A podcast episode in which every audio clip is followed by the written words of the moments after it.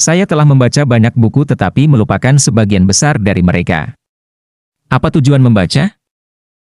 Kalian membaca sebuah buku. Kalian sudah menyelesaikannya, menyukainya, dan mungkin sampai merekomendasikannya kepada teman-temanmu. Dan kalian merasa hidupmu terasa berubah karena buku tersebut. Kemudian kalian melanjutkan hidupmu dan melupakan buku tersebut. Dan pada akhirnya buku tersebut akan terkubur di bawah tumpukan batu-batu yang kita sebut stres, beban pekerjaan, kecemasan akan pandemi, dan batu-batu lainnya. Dan akhirnya kalian berpikir, lalu apa gunanya? Hidup kalian tidak benar-benar berubah, kok. Buku-buku yang pernah kalian, dan juga aku, baca kemudian terlupakan, apa itu semua sia-sia?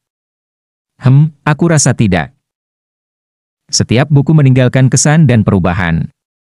Bahkan ketika kalian tidak bisa mengingatnya sekalipun.